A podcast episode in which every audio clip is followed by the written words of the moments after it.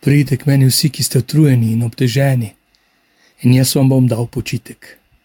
Vzemite nase moj jarem in učite se od mene, ker sem krotak in srcu ponižen, in našli boste počitek svojim dušam. Kaj ti moj jarem je prijeten in moje breme je lahko. Glas pastirja. Lep pozdrav, 14. nedelja med letom. Na prvi pogled nič posebnega, ampak smo sredi novih maš, praznujemo upravičeno, pa Janja Garnbret nabira kolajne. Ja, v Franciji neprijetni nemiri, za nas neprijetni, tam pa verjetno kar precej nevarni. V Kanadi kot v risanki zapirajo duhovnike, tu pri nas so novi dekreti, naši obstoječi duhovniški ekipi se pridruži še en duhovnik, Marko Drevenšek. A ja, pa smo sredi rad živimo v Vizoli, skavti začenjajo tabore. Tako da se dogaja. Ob božji besedi, ki začne na začetku z sklikanjem in veseljem in navdušenjem, se prevesi potem tudi utrujenega in potrtega, si želim biti in imeti ob sebi tudi veselega, navdušenega ali pa vsaj samozavestnega kristjana, neošabnega. Zato je ena taka mini vaja. Recimo, katera barva ti je všeč, katera hrana ti je všeč, katero knjigo bi priporočal poslušalcem tega podcasta, ali kateri film. Če bi moral počrtati eno, katero življenjsko spoznanje bi posredoval svojemu otroku ali svojemu prijatelju, katera je tvoja najsvetopisanska vrstica. Zanimivo, kako z lahkoto stresemo nepomembna dejstva. Pa kaj svet briga, katero hrano jaz radim? Koga briga tvoja prebava? No, sveti Tomaš Mor je v svoji molitvi prosil za dobro prebavo in smisel za humor. Se ti ne zdi, da bi bila smer življenja pomembnejša kot bestseller kuharskih receptov ali pa vozni red televizijskih telenovel? No, se oproščam, kar samo se je tako poudarilo, telenovel, spet. Kako drugače je, ko se mi v življenju streže. I know my rights. Zna vzdihovati že vsak eh, cepetajoč predpubertetnik. V življenju pa ne gre, da je meni vse postreženo, ampak da jaz vstopim od začetka do konca. No, na začetku je dovolj prepoznavanje glasu domačih in zdrav občutek lakote za dojenčka, pa kmalo že radovednost opazovanja, kobacanja, blebetanja, iz tega nastanejo prvi koraki, prve besede, prvi nasmehi, tudi prve buške in jok. Ampak dete se posveti hoji, se trudi izgovoriti besedo, pa napisati prvo črko, prvi zlog, prvo vrstico. In že je tu prva pesem, pa prva zaljubljenost. In če je zdrav, ne ostane pri tem. Zaljubljenost je vendar še gosenica v kokonu, zagotovo še to ni metul. Iz mladeniča lahko in naj postane mož in moški. Kako čudno se počutim, ko o tem govorim.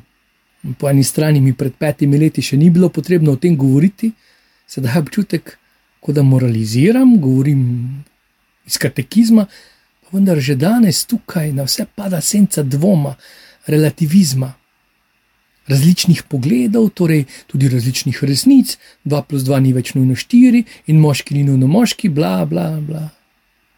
Že zdavnaj smo šli preko prepada, zdrave pameti in še kaj hujšega.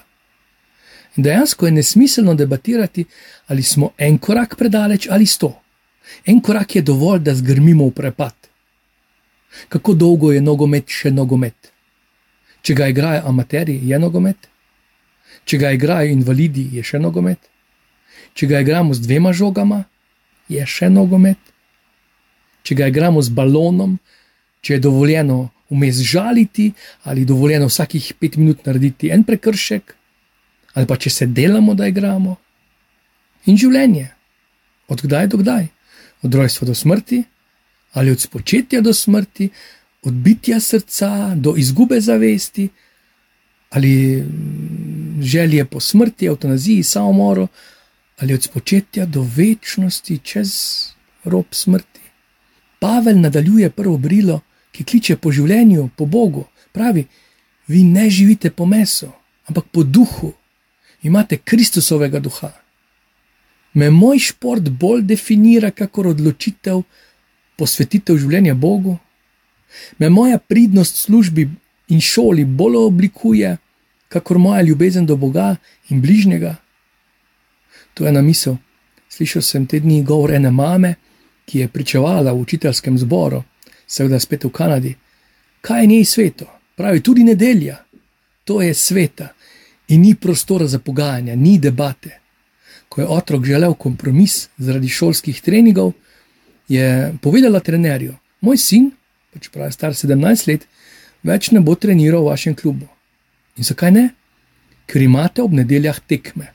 Če vam nedelje niso svete, meni in moji družini so. Močna žena, kakor Jozue tam v prehodu v svobodo. Kje ste starši? Gotovo, težka odločitev. Ampak dalje. Me moja spolna usmeritev in prehrambene navade delajo bolj prepoznavnega, kakor molitev, post, miloščina, pripadnost Kristusovi cerkvi. Potem si pač priznaj, sem herbivor, heteroseksualec, deloholik, delno depresiven, delam za denar in užitek, za mano bo ostalo, ne vem, s tem se ne ukvarjam. Ali pa sem Kristusov. Ja, rad jem zelenjavo, še posebej, če ob njej je dober zrezek, sem heteroseksualec in to mi omogoča neverjetne kombinacije komunikacije. Moji hobiji so hobiji, življenje pa posvečam Kristusu. Kaj puščam za sabo, ni tako pomembno. Če so le sledi do sem, vsaj tistim, ki so ob meni kazali smer Jezus Kristus na njegovo crkvo. Te nisem poslušal oddajo o vožnji, o pravilih, o navadah, o kulturi. In presenetili so me podatki ankete, ki je bila narejena preteklo leto v Evropski uniji med poklicnimi in tudi ostalimi šoferji. Več kot tretjina jih je priznala, da so vsaj enkrat v zadnjem letu zaspali za volanom. No, ti so priznali in ti so preživeli. Koliko je takih, ki niso preživeli, ali takih, ki niso reševali ankete, ali takih, ki niso bili iskreni. Ko sem se učil vožnje in tudi prva leta po izpitu, se ne bi moglo zgoditi, da bi zaspal za volanom, zaradi navdušenja in adrenalina, želje, predanosti, sčasoma pa že. Kaj se zgodi, ko zaspim za volanom življenja, ko je vse enolično, ko že vse obvladam, ko je vse rutina, ko nisem več pozoren razmišljam vmes, poslušam radio, ne oklapljam smerokazov, prometne predpise upoštevam po občutku, približno. Skrbim za družino, pa malo za svoje zdravje, za dobro počutje, otrokom omogočam šolanje, pa kveruku sem jih pisal, škoditi ne more. Daj pa graj grem na kakšno praznovanje, rojstni dneve, koncert, pogreb, velika noč tudi za volanom sem veliko krat na pol meže. Ne rabim biti mojster vožnje, dovolj je želja. Če te dni v božji besedi Jezus klical, ne potrebujejo zdravnika zdravja, ampak bolni, prišel sem klicati grešne, nam danes pravi: pridite k meni, utrujeni, oteženi.